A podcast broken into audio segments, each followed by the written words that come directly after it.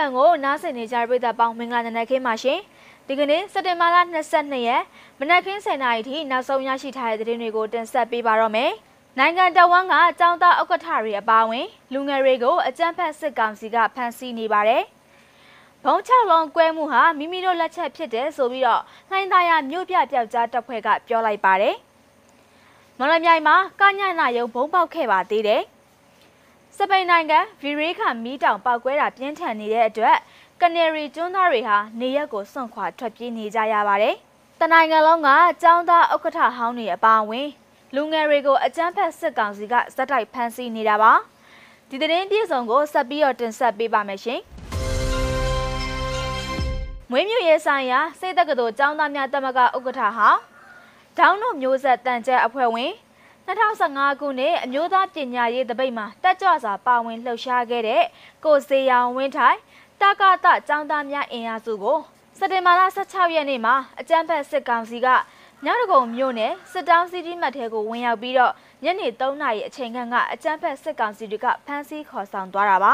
အခုချိန်မှာတော့ဘယ်နေရာမှာထိန်းသိမ်းထားသလဲမသိရသေးသလိုမိသားစုဝင်တွေကလည်းစိုးရိမ်နေကြတယ်လို့သိရပါတယ်စကိုင်းပညာရေးတက္ကသိုလ်ကျောင်းသားများတက်မက ဘာကသများအဖွဲ့ချုပ်ရဲ့ဥက္ကဋ္ဌမအေးနနာစိုးကိုလည်းစက်တင်ဘာလ19ရက်နေ့နေ့လယ်ပိုင်းကစစ်ကောင်စီတပ်ဖွဲ့ဝင်တွေကဖမ်းဆီးသွားခဲ့သလိုရန်ကုန်မှာလည်းနိုင်ငံရေးတက်ကြွလှုပ်ရှားသူလူငယ်9ဦးကိုအကြမ်းဖက်စစ်ကောင်စီကစက်တင်ဘာ19ရက်နေ့မှာဖမ်းဆီးခေါ်ဆောင်သွားခဲ့တာပါနောက်ထပ်သတင်းကိုတော့ရန်ကုန်မြို့ကသတင်းတစ်ခုနဲ့ဆက်ချင်ပါတယ်။နိုင်သာယာမြို့နယ်အနော်ရထားလမ်းမပေါ်က ရိုးကြီးနဲ့ရိုးလေးကြားမှာမနေ့ကစက်တင်ဘာလ22ရက်ညနေ3နာရီခွဲလောက်ကပောက်ကွဲမှုတစ်ခုကိုဖော်ဆောင်ပြီးတော့အဝေးထိန်ပုံ6လုံးနဲ့အကြမ်းဖက်စစ်တပ်ကိုတိုက်ခိုက်နိုင်ခဲ့တယ်ဆိုပြီးတော့လှိုင်သာယာမြို့ပြပျောက်ကြားတပ်ဖွဲ့ CDF ကပြောခဲ့ပါတယ်။အရက်ဝင်းနဲ့စစ်ကောင်စီတပ်တွေပြင်းထန်စွာထိခိုက်မှုဖြစ်ပြီးတော့ CGF အနေနဲ့ကတော့ထိခိုက်မှုမရှိဘဲနဲ့အောင်မြင်စွာဆုတ်ခွာနိုင်ကြောင်းကိုလည်းထုတ်ပြန်ထားပါတယ်။ဘဝသစ်စီဆိုင်ရှိမှာ မနေ့ကစက်တင်ဘာ22ရက်နေ့ညနေပိုင်းမှာဖြစ်ပွားခဲ့တဲ့ဘုံပေါက်ကွဲမှုအတွင်းအရက်မျိုးသားတအုပ်လည်းဒဏ်ရာရသွားတယ်လို့ဒေသခံတွေကပြောပါတယ်။ CGF တပ်ဖွဲ့ပြောခွင့်ရသူကကျွန်တော်တို့တွေဟာအကောင်းဆုံးအတတ်နိုင်ဆုံးထိမ့်သိမ့်လုပ်တယ်။ဒါပေမဲ့အခုလိုဖြစ်သွားတဲ့အတွက်အပြည့်အဝတာဝန်ယူပြီးတော့ပြည်သူအစိုးရကနေပေးတဲ့အပြစ်ကိုခံယူဖို့အသင့်ပါပဲလို့ပြောခဲ့ပါတယ်။အဲ့ဒီနောက်သူကဆက်လက်ပြီးတော့မြေပြင်မှာကအရက်ဝက်နဲ့တွေ့တိုင်းပြည်သူလို့သတ်မှတ်လို့မရဘူး။ ဘာကြောင့်လဲဆိုတော့အရက်ဝက်နဲ့သူတို့ရဲ့သတင်းပေးတွေရှိတယ်။ဒလန်မျိုးမျိုးရှိတယ်လို့လည်းသူကဆိုပါတယ်။ဒါကြောင့်အများပြည်သူထိခိုက်ဒဏ်ရာရရှိစေမဲ့ရက်ကွက်နဲ့လမ်းတွေကိုရှောင်ပြီးတော့လမ်းမကြီးတွေပေါ်မှာအ धिक ဖောက်ခွဲမှုတွေပြုလုပ်တာဖြစ်ပြီးပထမဆုံးခွဲခဲ့တဲ့ဘုံမှာထိခိုက်မှုမရှိစေတဲ့အတန်မုန်းတာဖြစ်တယ်လို့နှိုင်းသားရမြို့ပြပျောက်ကြားတပ်ဖွဲ့ CDF ကပြောပါတယ်။ ဘာကြောင့်တမုံခွဲရလဲဆိုတော့ဒီတန်ကြားရတဲ့လူလူဟာအနည်းဆက်ဆုံးနေရာအလုံးကြုံဆုံးနေရာကိုရှောင်ကွင်းပေးဖို့တတိပေးတဲ့အနေနဲ့ဖောက်ခွဲတာဖြစ်ပါတယ်။အဲ့ဒီနောက်ကဘုံတွေမှသာထိခိုက်မှုဖြစ်စေတဲ့ဘုံတွေဖြစ်ပါတယ်လို့သူကဆိုပါတယ်ပြည်သူတွေအနေနဲ့အကြမ်းဖက်စစ်ကောင်စီတပ်တွေနဲ့အဝေးဆုံးမှာနေပေးဖို့နဲ့ပောက်ကွဲမှုပြစ်ခတ်မှုတွေဖြစ်ပေါ်နေတဲ့အနီးနားကိုမတွားရောက်ဖို့ကို CGF အနေနဲ့နှစ်ခါတိတိထုတ်ပြန်မှုတယ်လို့သူကဆိုပါတယ် ပြည်သူလူထုအနေနဲ့ကင်းရှင်းမှုကိုအမြဲတမ်းဦးစားပေးခဲ့တာကြောင့်ပြည်သူလူထုကလည်းမိမိတို့နဲ့ပူးပေါင်းပါဝင်ပေးကြဖို့ကို CDF ကထုတ်ပြန်ထားပါတယ်။မော်ရမြိုင်မြို့မှာလည်းမနေ့ကဘုံပေါက်ကွဲမှုတွေဖြစ်ပေါ်ခဲ့ပြီးတော့ဒီလိုပေါက်ကွဲမှုတွေကိုဘသူတွေကလှုပ်ဆောင်ခဲ့တာပါသလဲ မော်ရမြိုင်မြို့မှာရှိတဲ့ပြည်내ကုန်းလန်းပို့ဆောင်ရေးညွှန်ကြားမှုဦးစီးဌာနရဲ့ရင်းစစ်ဆေးရေးဌာနမှာဒီကနေ့စက်တင်ဘာလ22ရက်နေ့ညပိုင်းကဘုံပေါက်ကွဲမှုဖြစ်ပေါ်ခဲ့တယ်လို့ဒေသခံတွေကတန်လွင်တိုင်းကိုပြောပြချက်ရသိရပါတယ်။အဲ့ဒီပေါက်ကွဲမှုဟာ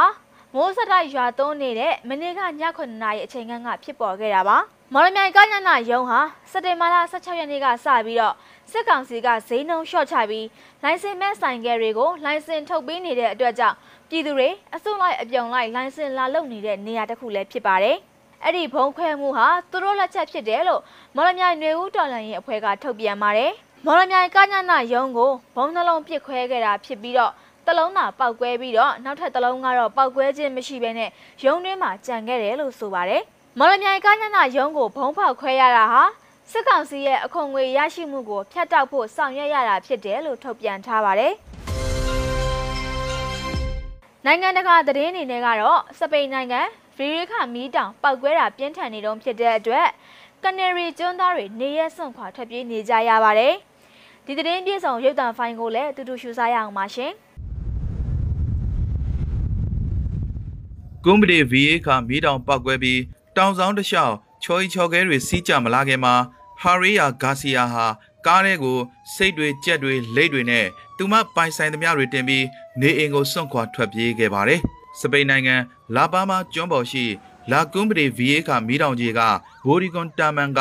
ဝိုင်စိတ်ယုံနားမှာနေတဲ့သူတို့လင်မယားဟာ မီးတောင်မပေါက်ကွဲခင်စက်တင်ဘာလ19ရက်တနင်္ဂနွေနေ့မွန်းလွဲပိုင်းမှာပဲသူတို့နေထိုင်ရာနေအိမ်ကနေထွက်ခွာဖို့ဆုံးဖြတ်ခဲ့တာဖြစ်ပါတယ်။ကျမတို့အိမ်လေးပြိုကျသွားမလားအောင်းမေးရတဲ့အထိညပိုင်းမှာကြောက်စရာကောင်းလောက်အောင်ငလျင်တွေဒလက်ချမ်းလှုပ်ပြီးတဲ့နောက်တက်ဆိုင်ရာကနေဘေးလွရာရွှေ့ဖို့ညွှန်ကြားမလာခင်မှာဒီကနေထွက်သွားကြဖို့ဆုံးဖြတ်ခဲ့ကြတယ်။မိတောင်တကယ်ပေါက်တဲ့အချိန်မှာကျမတို့ကဘေးလွရာကိုသွားနေကြပြီလို့အသက်34နှစ်အရွယ်ဟာရီယာဂါစီယာက AFP ကိုပြောပါတယ်။ ဂါစီယာကသူတို့ကားနဲ့မိဘတွေရောသူတို့ပိုင်တဲ့စိတ်လေးကောင်ဝက်နှကောင်ကြက်အကောင်20ရုံလေးကောင်ခွေးလေးကောင်နဲ့လိတ်တကောင်ကိုတွားရောက်တင်ဆောင်ခေါ်ယူခဲ့ပါတယ်။ကျမတို့မှာခြေမကင်မိလက်မကင်မိပါပဲ။ဒါပေမဲ့ဘေးကင်းခဲ့ပါတယ်လို့သူမကဆိုပါတယ်။မိတောင်စင်ကြီးရှောကလူနေရိပ်သားတွေမှာရဲတပ်ဖွဲ့ဝင်ရာချီကိုပြည်သူတွေဘေးလွတ်ရာရွှေ့ပြောင်းရေးမှာကူညီကြဖို့ တာဝန်ပေးခဲ့တဲ့အတွက်ညပိုင်းထိအစဉ်ပြေချောမွေနေခဲ့တယ်လို့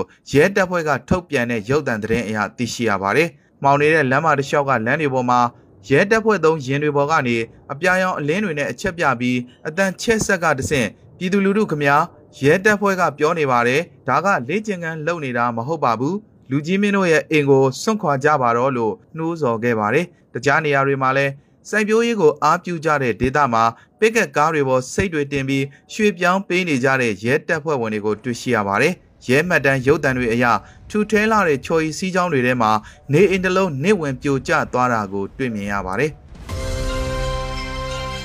စက်တင်ဘာလ22ရက်မနက်ခင်း7:00နာရီထိနောက်ဆုံးရရှိခဲ့တဲ့သတင်းတွေကိုတင်ဆက်ပေးခဲ့တာပါ။နားဆင်ပေးခဲ့တဲ့အတွက်ကျေးဇူးတင်ပါတယ်။အားလုံးပဲတာယာလှပတဲ့မနက်ခင်းလေးကိုပိုင်ဆိုင်ကြပါစေရှင်။